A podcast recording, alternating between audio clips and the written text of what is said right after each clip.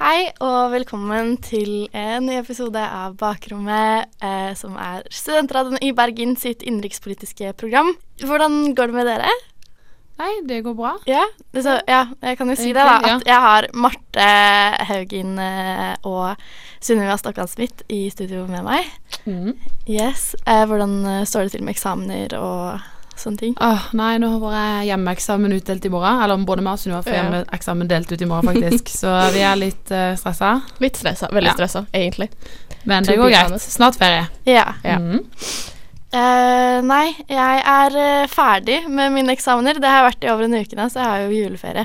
Og det er jo Altså, jeg, jeg har hatt juleferie fra 22. november, liksom. Så Faen, så jævlig Men det har vært- ja, jeg har vært så syk og dårlig, og liksom Livet har vært et helvete. Um, og jeg blir jo så rastløs, fordi du har liksom stressa så lenge, og så bare plutselig så så har du ingenting å gjøre. Kroppen din bare angriper seg selv, og så, og så føles det ikke riktig å slappe av, ikke sant. Mm. Men nå begynner jeg å komme meg. Nå Det er bra. jeg Det er bra. begynne Kan du bruker bruke masse tid på radioen og, Ja, ikke sant? mens vi sitter med eksamen? Ja. For dette er sånn hyggelig julesending, er det ikke? Ja. Eh, nå, det som vi gjør nå, det er det at eh, vi har en eh, polit... OK. Det politiske året 2018, del én, det er i dag. eh, del to kommer eh, neste torsdag, og så, og så skal siste, siste sendingen vår før jul, det blir da en sending med eh, Trude Drevland, hvor hun skal komme og besøke oss i studio. Mm. Så det blir veldig gøy. Gøy. Mye gøy å Ja. i vente, for å si det sånn. Yeah. Ja. Så eh, det er jo OK. Det politiske året 2018. Det har vært et ganske interessant år. Det har skjedd mye. har vært intenst. ja, det, altså, en Herregud. Altså, alt fra kriser til eh, Det starta jo veldig tøft. Ja, Ja. det gjorde det. Og det har skjedd så mye gøy og spennende, men også mye sykt, Crazy egentlig. shit. Ja. Altså, hva faen? Eh, ja. det er jo Kaos i systemet, altså. Det Ja. har vært eh, Men det har vært interessant for oss som eh, driver med radio om eh, norske polit politikk, da, for eh, det har vi hatt mye å snakke om, Ja. Ja. eh, og det er jo alltid gøy. Jeg tror liksom i 2017 så tenkte man å 2018 det blir litt chill, det blir litt rolig, da blir det liksom ikke så mye crazy som skjer. Og så bare kommer 2018, og så er det bare sånn Hva, hva, hva kan man si? Det, året starta jo med krise, fullstendig krise, i norsk politikk. Fordi vi hadde jo metoo-bevegelsen, som, som internasjonalt så var det kanskje i litt andre bransjer. Eh, det var ikke like mye i politikk i USA, f.eks. Eh, vi så det at det er liksom Det er jo skuespillere og sånn i Sverige også, som gjerne kommer frem med varsler. Vi har jo hatt det i Norge òg, men, men spesielt i politikken. Eh, hele metoo-bevegelsen har jo vært utrolig viktig bare for eh, prosessen av varsling. Eh, Og det her med å verne om varslerne, eh, og det her har jo vært et, et et presseetisk minefelt da, for norsk presse, og jeg syns at pressen har håndtert det veldig fint. Um, men det, det har jo satt sine spor, og det er jo absolutt Det er jo alltid ting som man kunne gjort bedre. Um, uh, vi skal snakke litt om uh, det her med kommune- og fylkessammenslåing uh, nå etter, eh, etter en liten sang. Og så eh, senere så skal vi snakke videre om metoo. Dette er Ulf Leirstein. Du hører på Studentradioen i Bergen, program Bakrommet. Yes. Um, så eh, året 2018 startet med at vi i januar eh, fikk noen sammenslåinger.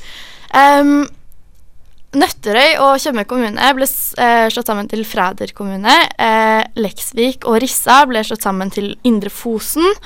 Eh, Hov Holmestrand eh, ble slått sammen til Holmestrand. Og Lardal eh, og Larvik ble slått sammen til Larvik. Så vi gikk fra da å være 426 kommuner til 422 kommuner.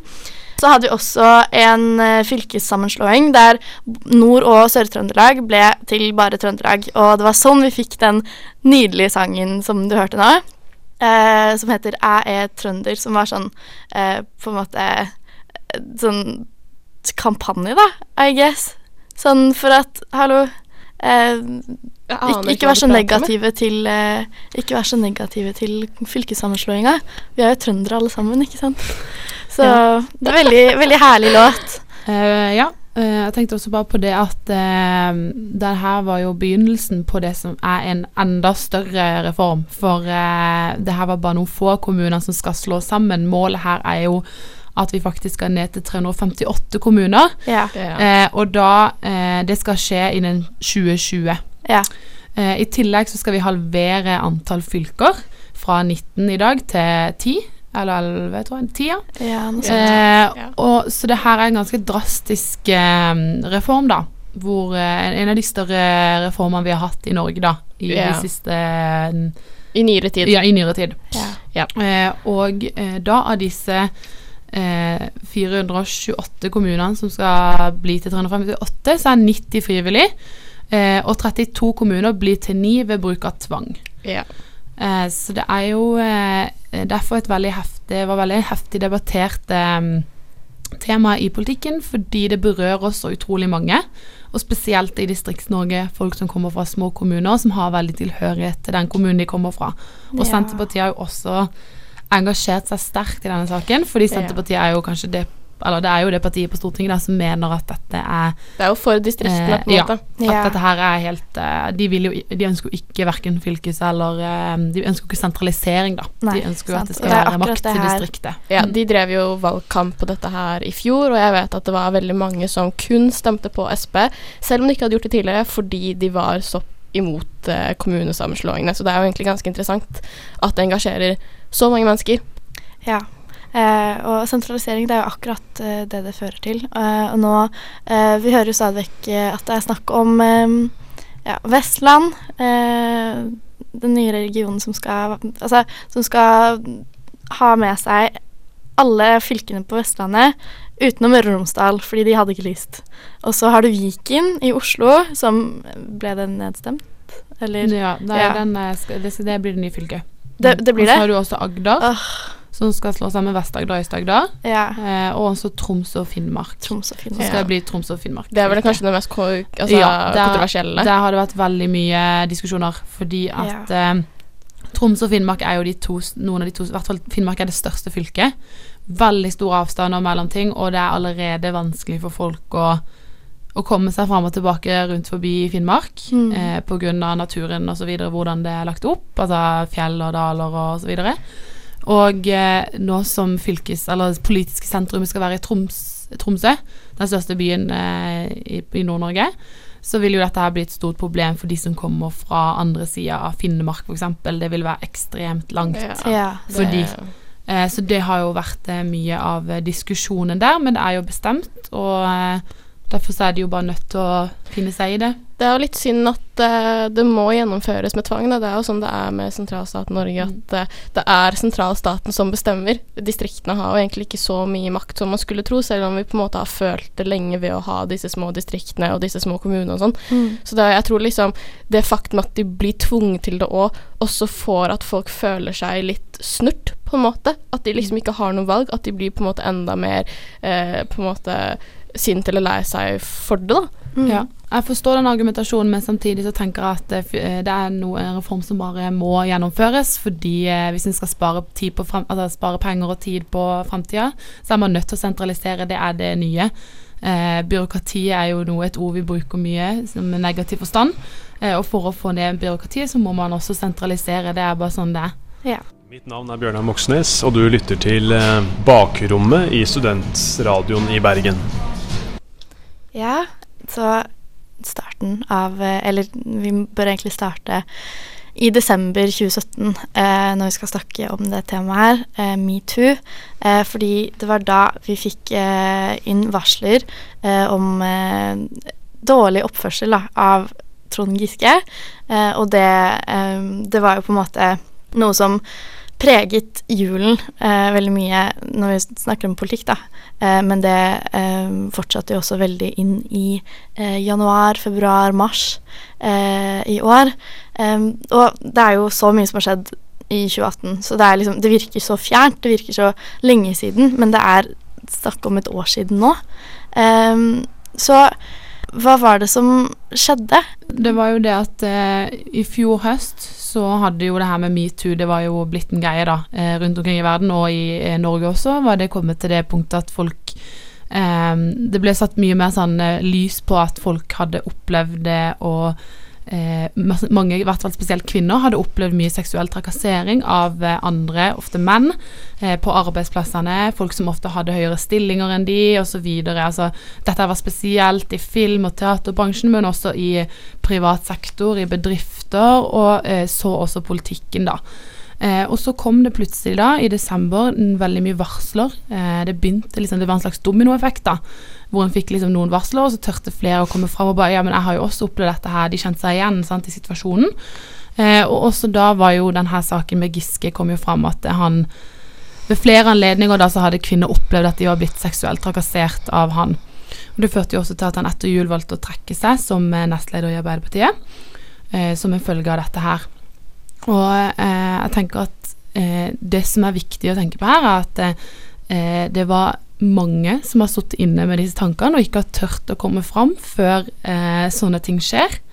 At eh, når faktisk det blir satt fokus på det, så vil også få flere folk komme og tørre å si fra at eh, det har skjedd meg også. Eh, og jeg tenker at det har også fått Det endrer en del ting. Det endrer en del i partikulturen, f.eks. Um, I dag så, eh, så kan uh, På Arbeiderpartiets møter så må man kjøpe egen alkohol. Det er ikke noe som uh, blir delt ut. Uh, og eh, også mange av ungdomspartiene og andre Altså partiene har en, en strengere forhold til alkohol, f.eks. Mm. Eh, noe som jeg tror er veldig viktig for at en skal unngå at sånne ting skjer. Ja. Mm. Um, Synnøve, hvordan syns du partiledelsen i Arbeiderpartiet eh, håndterte den situasjonen her? Eh, jeg vet egentlig ikke helt. Uh, jeg føler at Jeg tror det var veldig vanskelig for partiledelsen å håndtere det i det hele tatt. Fordi mm. Trond Giske er jo en ekstremt uh, mektig person i Politikk-Norge. Han har vært der kjempelenge. Han er liksom uh, stort navn blant mange og sånne ting. Så jeg tror det var veldig vanskelig for dem å på en måte håndtere det på en sånn måte at han også ble fornøyd. Fordi jeg tror det også var mye sånn at han liksom ikke måtte gå forsvinne helt da fra partiet, for han har jo ikke det. Han har jo fortsatt en sentral rolle i partiet enda, selv, om, selv om han måtte på en måte trekke seg. Og jeg tror det eneste grunnen til at han måtte gjøre det, var fordi at jeg tror Arbeiderpartiet hadde fått for mye backlash hvis de ikke hadde gjort det. At det hadde skadet partiet enda mer, spesielt etter det syke nederlaget ved stortingsvalget 2017. Ja. At liksom, de har så mye å tape at de liksom De kunne rett og slett ikke gjøre noe annet, på en Ja. måte. Altså, det her har jo vært to veldig vonde år for Arbeiderpartiet. Um, det har rett og slett bare Det har vært Tøft. Det har vært veldig tøft, tror jeg. Men vi ser nå på en måte at uh, Arbeiderpartiet begynner å komme seg litt tilbake igjen. Ja. Heldigvis, syns jeg, da. men, men eller jeg får jo veldig vondt av, eh, av partiet. Det at enkeltpersoner eh, og enkelte hendelser skal, eh, skal ryste partiet så mye, det syns jeg er trist. Og det er det for eh, ethvert annet parti også. Men metoo i Politikk-Norge var jo ikke bare noe som skjedde i Arbeiderpartiet. Eh, vi hadde jo også eh, Vi fikk jo varsler eh, nå på nyåret eh, om eh, Trine Skei Grande.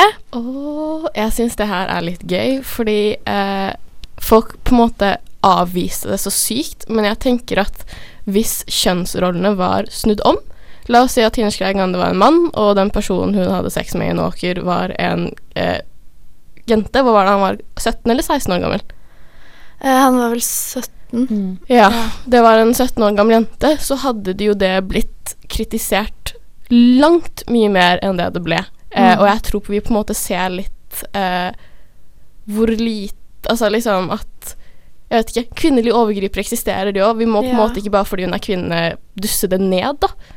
Og ikke se på det like alvorlig. Mm. Og så er det jo også litt viktig å tenke på at han, eh, han som eh, opplevde det, ville jo ikke at det skulle komme fram, og han var, ville jo ikke ha noe med på en måte snakke om det. Sant? Så Ja. for hans Mm. del var det jo kanskje litt motsatt eh, i forhold til mange av de andre metoo-varslerne som ønska å få det fram at dette her er virkelig galt. Ja. Så var jo han eh, veldig tilbakeholden og ønska ikke noe oppmerksomhet rundt det, da. Nei, det var sikkert en hendelse han ikke hadde lyst til å huske, eller på en måte ha liksom noe som preger livet hans mye, da. Så ja, det er jo ganske synd på han, egentlig. Ja, og så i Høyre, eh, eller Unge Høyre, så var det jo det her med Christian Tonning Riise. Eh, som eh, da var eh, Han var vel leder i Leder i Han- ja, leder, var Han var leder. i Unge Høyre, ja. Var.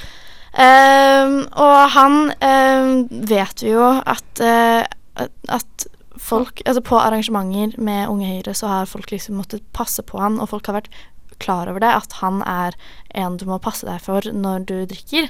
Eh, og det som sjokkerer meg mest med det her, det er jo det her med at, at det har vært så kjent i Unge Høyre, eh, men likevel så er det og, altså, Det kan ikke ha vært så kjent i Unge Høyre uten at noen i moderpartiet har visst om det. Fordi greien er jo at eh, det har vært flere Altså disse fylkeslagene, eller hva enn det heter, har jo nektet han å komme på, på møtene deres. Ja. Fordi han er et Han seksuelt, seksuelt trakasserer folk, rett og slett, og liksom Mm. tvinger dem til å gjøre ting de ikke har lyst til å gjøre. Eh, og at han er en så jævlig person, da. Og jeg tenker at det er litt sykt at unge, altså, Høyre, moderpartiet, ikke har tatt tak i dette tidligere. At de ikke Mm. liksom har fått han til å slutte Ja. i rollen sin før. At det var for først nå, liksom, når metoo kom ut, og at de måtte liksom skjerpe seg, at det var først da det skjedde. da. Ja. Pro problemet her i denne saken også er jo det at eh, det var snakk om ganske alvorlige eh, altså alvorlig seksuell eh, trakassering. da. Han har jo også eh, blitt granska av politiet, eh, spesielt en sak med ei ung jente Mm. som har faktisk vært undersøkt av politiet, og det har jo vurdert altså, og han har jo blitt anmeldt For overgrep. for overgrep. Ja. Yeah. Så det er ganske større, alv mer alvorlig grad enn ganske mange av de andre metoo-tilfellene, selv om de også er alvorlige sin, eh, på, si, på sin måte.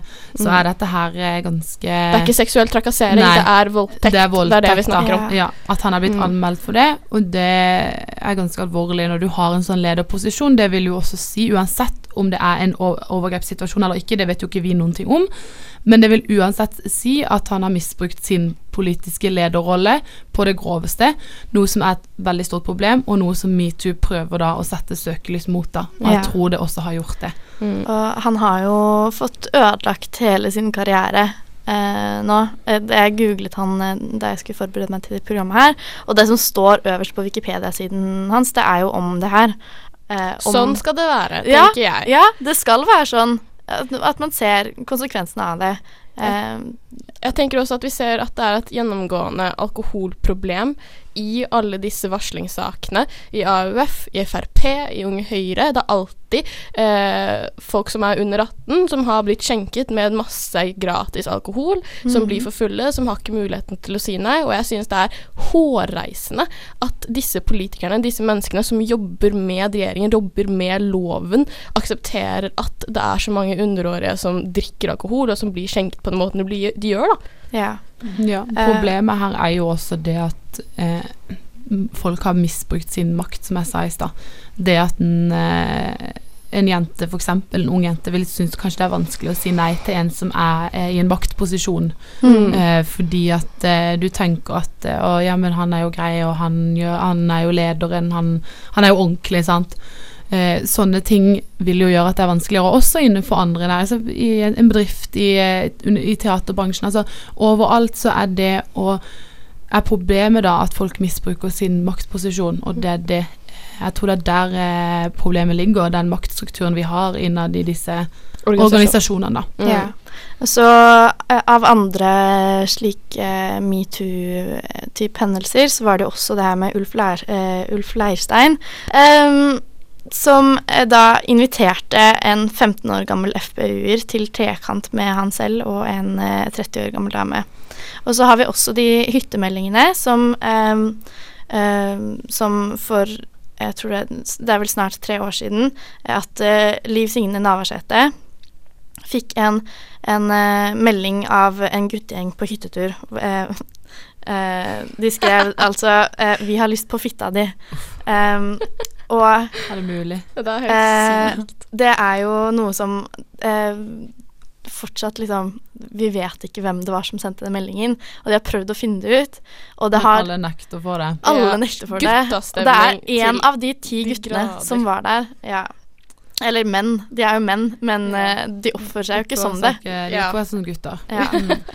Um, så det her var jo eh, en, Det- en hendelse som virkelig satte preg på eh, både 2017 og 2018.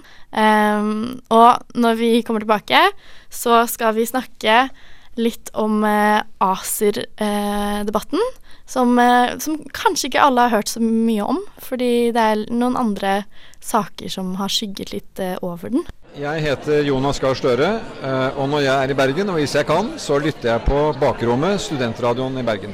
I, I mars så, så var det en debatt som, eh, som herjet eh, litt, eh, som heter ACER-debatten, eh, som også kan ses på som en liten EU-debatt. Um, men var, den fikk ikke så mye oppmerksomhet som den kanskje burde fått, nettopp fordi det var så mye annet som også skjedde i politikken akkurat da. Og nå er det jo sånn at når det er den ja, sånn heksejakt etter Sylvi Listhaug, så er det kanskje mer eh, underholdende å følge med på det enn eh, en, en ACER-debatt som du ikke helt greier å skjønne hva går ut på. Men eh, Marte, vil du forklare oss hva, hva ACER er for noe? Ja, jeg var litt inne på Store norske leksikon for å finne ut av dette her, da. Og eh, ifølge Store norske leksikon så er ACER et EU-byrå for samarbeid mellom energireguleringsmyndighetene i Den europeiske union, EU altså. Eh, byrådet spiller en nøkkelrolle i integreringen av elektrisitet og naturgass innen EU, og stiller opp et rammeverk for samarbeid mellom de nasjonale regulatorene. Og Stortinget da, de vedtok jo i mars, som du sa, 2018, eh, tilslutning til ACER. Og da er det eh, Norge, i Norge da, Vassdrags- og energidirektoratet som har reguleringsmyndighetene, og de skal da delta via EØS-avtalen.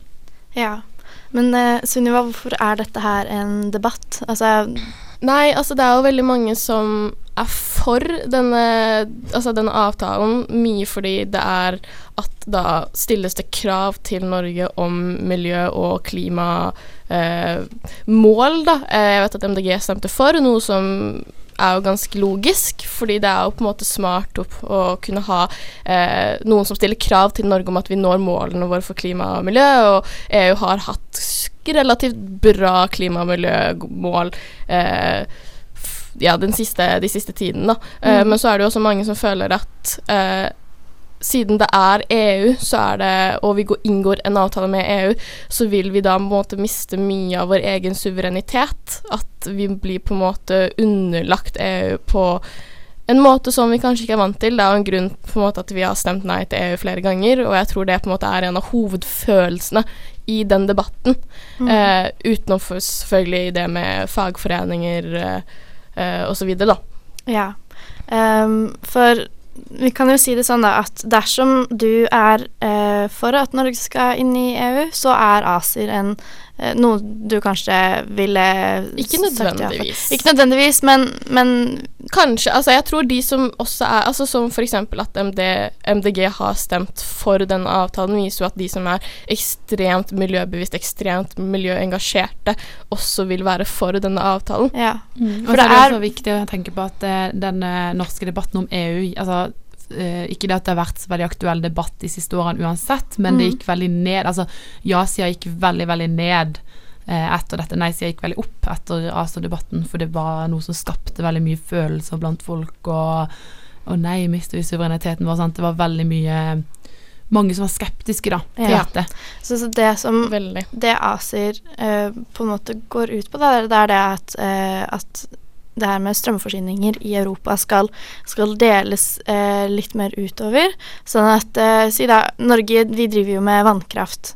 Og vannkraften den kan vi se på som et slags batteri. Altså vi eh, Den er der alltid og eh, relativt stabil. Eh, vi har veldig mye vann i Norge, som betyr at vi har veldig lave strømpriser i forhold til resten av Europa. Eh, men så har det også ja, de som driver med vindkraft. Det er ikke alltid det blåser, så de har jo ikke det samme batteriet. Så eh, ved å være med i ACER, så kan Norge da på en måte eh, dele sin eh, strøm med Europa når de trenger det, og så kan vi få når vi trenger det. Men tingen er det at vi greier oss veldig fint selv. Um, og det her med å bli med i ACER kan også føre til at vi um, At, uh, ja, vi får færre jobber i sånne, Jeg i sånne kraftkommuner, da. jeg tror problemet er også at mange er redd for at strømprisen skal gå opp. Ja, eh, litt eh, til begge deler her nå. Det Ja. med strømprisene det er et veldig sånn mye rykt, rykter rundt det, at det skal gå så mye opp. Eh, men det er jo ikke noe sånn som er bevist at det kommer til å skje. Eh, altså Strømprisene er jo styrt av markedet, sant. Eh, etterspørsel og Altså det, styres av etterspørselen, da. Sånn at på en måte vi vet ingenting om ASA er det som kommer til å påvirke. Eh, og i tillegg tilbake igjen til det her, det er litt tilbake til det Sunniva snakka om i stad, men for å nå de målene vi har satt, seg, eh, satt oss med et nullutslippssamfunn innen 2050, så er vi nødt til å erstatte um, Vi er nødt til å erstatte liksom um, klima, klimaverstingene kull med vind og sol og vannkraft, og det eneste måten vi kan gjøre det, er å ha et åpent energimarked. Uh, så derfor så tror jeg at uh, ACER er litt skummelt for de som ikke vet så mye om det, men vet du mye om det, så er det, uh, er det nok en fordel for eh, oss og resten av Europa. Ja, jeg, jeg tror også en av eh, andre argumentene imot ACER-debatten er jo at fagforeningen har jo hele tiden vært imot denne avtalen. Eh, og hovedgrunnen til det er jo fordi at eh, Altså, Fagforeninger er jo basert i den fossile brenselsektoren, og det å gå over til fornybar energi er jo veldig bra, men det betyr også at veldig mange kommer til å miste jobben sin. Og uten å ha det sikkerhetsnettet og vite at du vil fortsatt kunne ha en jobb i fornybarsektoren, er, det er ustabilt. Og selvfølgelig, når du er en fagforening, så vil du på en måte ikke støtte noe som vil gjøre at dine medlemmer vil mest sannsynlig ende opp uten en jobb. Mm. Eh, når vi kommer tilbake igjen, så skal vi snakke om eh, nettopp den saken som har skygget litt over ACER-debatten, nemlig det her med Sylvi Listhaug-dramaet. Mitt navn er Audun Lysbakken. Nå lytter du til Bakrommet på Studentradioen i Bergen. Ja, ehm, hvis du hørte på eh, sendingen vi hadde sist uke om ekstremisme, så snakket vi litt eh, om det her med eh, dobbelt eh, statsborgerskap og fratak av statsborgerskap eh, for terrordømte eh, i Norge. Eh, og Arbeiderpartiet de stemte jo for det her med at, eh, at eh, De stemte imot Ja. forslaget, Ja, imot forslaget, ja. eh, om at man skulle slippe å gå gjennom Høyesterett for Ja. for å kunne frita altså, Frata ja. folk statsborgerskap. Arbeiderpartiet var altså imot at eh, De mente at man må gå gjennom en domstol for å for kunne Ja. gjøre det, da. Sant. Mm. Eh, og det her startet noe som kom til å være eh, veldig dramatisk eh, fra, fra mars og egentlig helt til i sommer. Eh, fordi Sylvi Listhaug la da ut på sin Facebook-profil, hvor hun har veldig mange følgere, at Ap mener terroristenes rettigheter er viktigere enn nasjonens sikkerhet. Så Marte, altså hva Hvorfor eh, vekker det her så sterke reaksjoner? Hva er så problematisk med det? Nei, hvor skal jeg begynne hen? Eh, for det første så er det utrolig feigt, syns jeg, å gå så til angrep på et annet parti. Eh, eh, Istedenfor å bruke tida på å kanskje forsvare sin egen politikk, så kan jeg bruke tid på å liksom angripe et annet parti.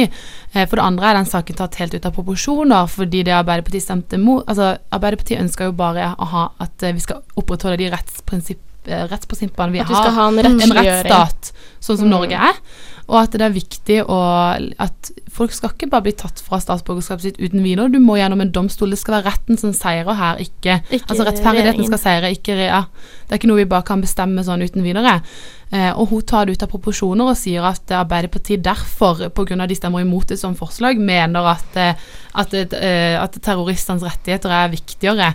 Det er jo helt sykt å si sånne ting, i tillegg til at mange reagerte jo på det at Arbeiderpartiet har, eller at ungdomsorganisasjonen til Arbeiderpartiet har jo faktisk opplevd terrorangrep sjøl. Ja, og det, det var jo ingen Det var jo ingen Altså, på det Facebook-bildet, så bak teksten så var det et bilde av det du ser er islamske Ja, mm, islamske ekstremismer. Ja. Ekstremister. Um, men altså, Anders Behring Breivik var en høyreekstrem norsk etn, Altså etnisk norsk mann. Um, så Hvorfor er ikke hans statsborgerskap fratatt? Altså, det er jo det som er så Jeg syns det er så sykt iro ironisk, liksom. Og jeg føler også når hun sier sånne ting, og hun viser på en måte den siden seg, så kommer også liksom den litt rasistiske delen veldig tydelig fram. For det er sånn Hun snakker jo hele tiden om islamistiske terrorister og sånn, men det er sånn Vi har jo en terrorist her i Norge. Han har begått en av de verste terrorist... Eh, hva heter det? terrorangrep. Eh, Terrorangrepene Som vi har sett i Norden. Ja, altså, Altså, Det er jo helt Og ja, det, det holder Altså, det er jo Det holder jo ikke mål, rett og slett. sant. Um, altså, Sylvi Listhaug hun måtte jo av som justisminister. Nei, altså det Nei. som Eller altså, ja. hun måtte det, men det var jo at regjeringen ble jo nesten Hva heter det? Eh, Det ble jo nesten mistillitsforslag mot mot Ja, regjeringen. Rødt Ja. ønsker jo å stille Ja. mistillitsforslag, og før dette så velger hun å gå av. Eh, Ja. Vi spilte jo inn en veldig interessant episode faktisk om eh, dette her eh, tidligere i vår, ak akkurat når det holdt på, en spesiell sending. Ja, så hvis, hvis du finner den på. i podkastappen, Ja. så, så er det jo bare Det er å veldig høre på spennende, den. for der er det akkurat rett etter hun har sagt at hun går av, Mm. så gikk vi inn i studio og spilte den inn. Men hun Eh, ville jo ikke det. Nei, det å En sånn avskjedstale, hvis jeg kan kalle det det, eller sånn pressekonferanse som hun holdt i etterkant av dette, det er noe av det mest bisarre jeg har sett noensinne og hørt. Eh, måten hun eh, går av, og de tingene hun sier, den retorikken hun bruker, eh, hvor hun kaller eh, det politiske spillet for en barnehage, og hvor hun mener det har vært en heksejakt, og folk har vært ute etter å ta henne, og Eh, og at hun kommer til å gjøre alt i sin makt for å unngå at eh, Jonas Gahr Støre skal komme til makta, for det er det bare det verste som kunne skjedd. Eh, jeg bare syns eh, utrolig spesiell retorikk å bruke på noe. Eh, hun er jo ikke ydmyk en plass. Men jeg forstår jo også at dette her gjør hun helt med vilje, fordi hun vet at da får hun mye Hun vet at det funker. Det er det som er så skummelt med Sylvi Listhaug. Mm. Man skulle kanskje tro at hun er liksom legit en crazy person og bare sier jævlig mye rart, men greia er at hun har en jævlig god strategi, og den funker som bare faen. Altså, Mm. hun har så sinnssykt mange lojale tilhengere. Det minner meg nesten om Trump, for det er bare sånn De følger alt hun gjør, de følger alt hun sier. Hun kan ikke gjøre noe galt. ja, For ikke snakke om alle disse blomstene hun fikk. etter. Ja. fy faen. For det er nettopp det. Um, Sylvi Listhaug spiller et annet spill enn det resten av uh, Politikk-Norge gjør. Uh, hun er ikke Uh, hun er ikke avhengig av uh, å få støtte av resten av partiet sitt, fordi hun har allerede så mange lojale tilhengere, som du sa. Um, så har hun jo eh, Hun har jo på en måte fått eh, det, det, det at hun la ut det innlegget, det har jo fått konsekvenser for henne. Men nå ser vi jo det at hun har eh, Nå hopper vi litt fram i tid igjen, da, men eh, nå i august så, så fikk hun da bli nestleder i Fremskrittspartiet. Så vi ser jo det at eh, selv om hun har eh, altså startet sånne skandaler og sagt veldig mye som hun ikke burde sagt, at eh, hun får ja, til syvende og sist ingen konsekvenser for det. Altså, hun er mer populær nå enn det hun var Da. da. Ja, Ja. altså det er sånn Hun felte nesten regjeringen. Det er sånn Erna Solberg var jo rasende på henne, og hun gir jo blanke faen. Hun bare gjør akkurat var, det hun vil. Erna Solberg var rasende, men hun var, ikke, uh, hun var kanskje rasende, men hun var jo ikke Hun stakk, stilte ikke noe krav Nei, her. Hun tok ikke hun- ståsted her. Nei. Hun var utrolig vag. Det er jo det Erna Solberg har fått mye kritikk for, både når det gjelder hun og Per Sandberg-saken og alle disse Men jeg tror det er mer som har skjedd bak dørene enn det vi vet. Det er det nok. tror liksom det men det er feigt av Erna Solberg å ikke ta noe Og ikke kunne kritisere sine egne. Det er helt Hun, er, sitter, hun har valgt disse her til å sitte i regjering med henne, og da må hun faktisk også kunne kritisere dem når de gjør noe galt. Som Ja. er, ja. Så hun Erna Solberg fikk både ros og kritikk for hvordan hun har håndtert eh, alle disse skandalene gjennom eh, nyåret. Um, altså, gjorde, hun, eh, gjorde hun noe god jobb, Sunniva? Erna Solberg? Ja. Eh, jeg vil ikke si det. Jeg vil egentlig si at sånn som Marte sa, at hun var veldig feig. Jeg, jeg tror hun er mer redd for å beholde Frp i sin gode vilje enn å det faktisk å stå opp for Å stå imot sånne handlinger, da, og liksom mm. ta tak i eh, sånne handlinger og si fra og kritisere sine egne. ja. Jeg tror eh, Man merker det også i talen etter Sylvi Listhaugs avgang at hun tok jo ikke noe særlig ståsted. Hun sa at eh, hun var Hun sa også selvfølgelig at hun kritiserte det Sylvi Listhaug hadde gjort, men hun, hun var ikke noe, eh, noe hard mot Sylvi. Det var Ja. ikke noe Var det ikke sånn at hun sa at vi kunne se henne igjen ja. senere Jo, i en annen At post? hun syntes hun var flink, og Ja. hun kom til å Ja. Mm. Men eh, svekket det, den saken her deres tillit til regjeringen? Helt klart. For Ja, min del altså- så viser dette her bare at, eh, at den kan putte så mange eh, Så mange skulle til å si Nei, jeg skal ikke si det engang, men eh, Det er ikke så mye som ja, skal til Ja. for å knekke denne regjeringen. Det Det, har skjedd to tenker. ganger nå, mistillitsforslag. ja. Så det er jo ganske sykt, Å plassere sykt, sånne folkeregjeringer må man bare unngå, tenker jeg, i Ja. framtida. Sant. Og du lytter til Bakrommet på studentradioen i Bergen. Så um, 2018 eh, Vi kan vel alle si oss enig i at det har vært et, eh, et veldig spennende år. Hva, hva tenker du, Marte, om eh, Det Jo. har sett. Jeg føler det har vært en sånn eh, levende berg-og-dal-bane, egentlig. Ja. Eh, mye opp og ned, og. Ja, og eh, tar liksom forskjellige retninger. Og ja. du, liksom du, du vet ikke hva som venter deg bak neste sving. da Det Nei. skjer alltid noe nytt. Det er kontinuerlig endring. Og eh, Vi har bare sett eh, regjeringsbyttene og statsrådspostene som har blitt bytta ut. Og ja, krisene skandaler og skandaler. Ja, skandaler og skandaler. Og utskiftninger. Nei, også um, neste, neste torsdag så skal vi ta for oss eh, politiske året 2018 del 2, hvor vi skal snakke om, eh, om eh, det her med Per Sandberg, eh, KrF, eh, abort, eh, alt, alt det som har skjedd den siste, ja, det siste halvåret. Um, og siden det nå er desember, så er det jo offisielt lov til å spille julemusikk. Så eh, vi avslutter denne sendingen her med å Vel, først så må vi takke for oss. Eh, tusen takk for at du hørte på oss. Eh, og nå skal du få høre 'Last Christmas' av Wam.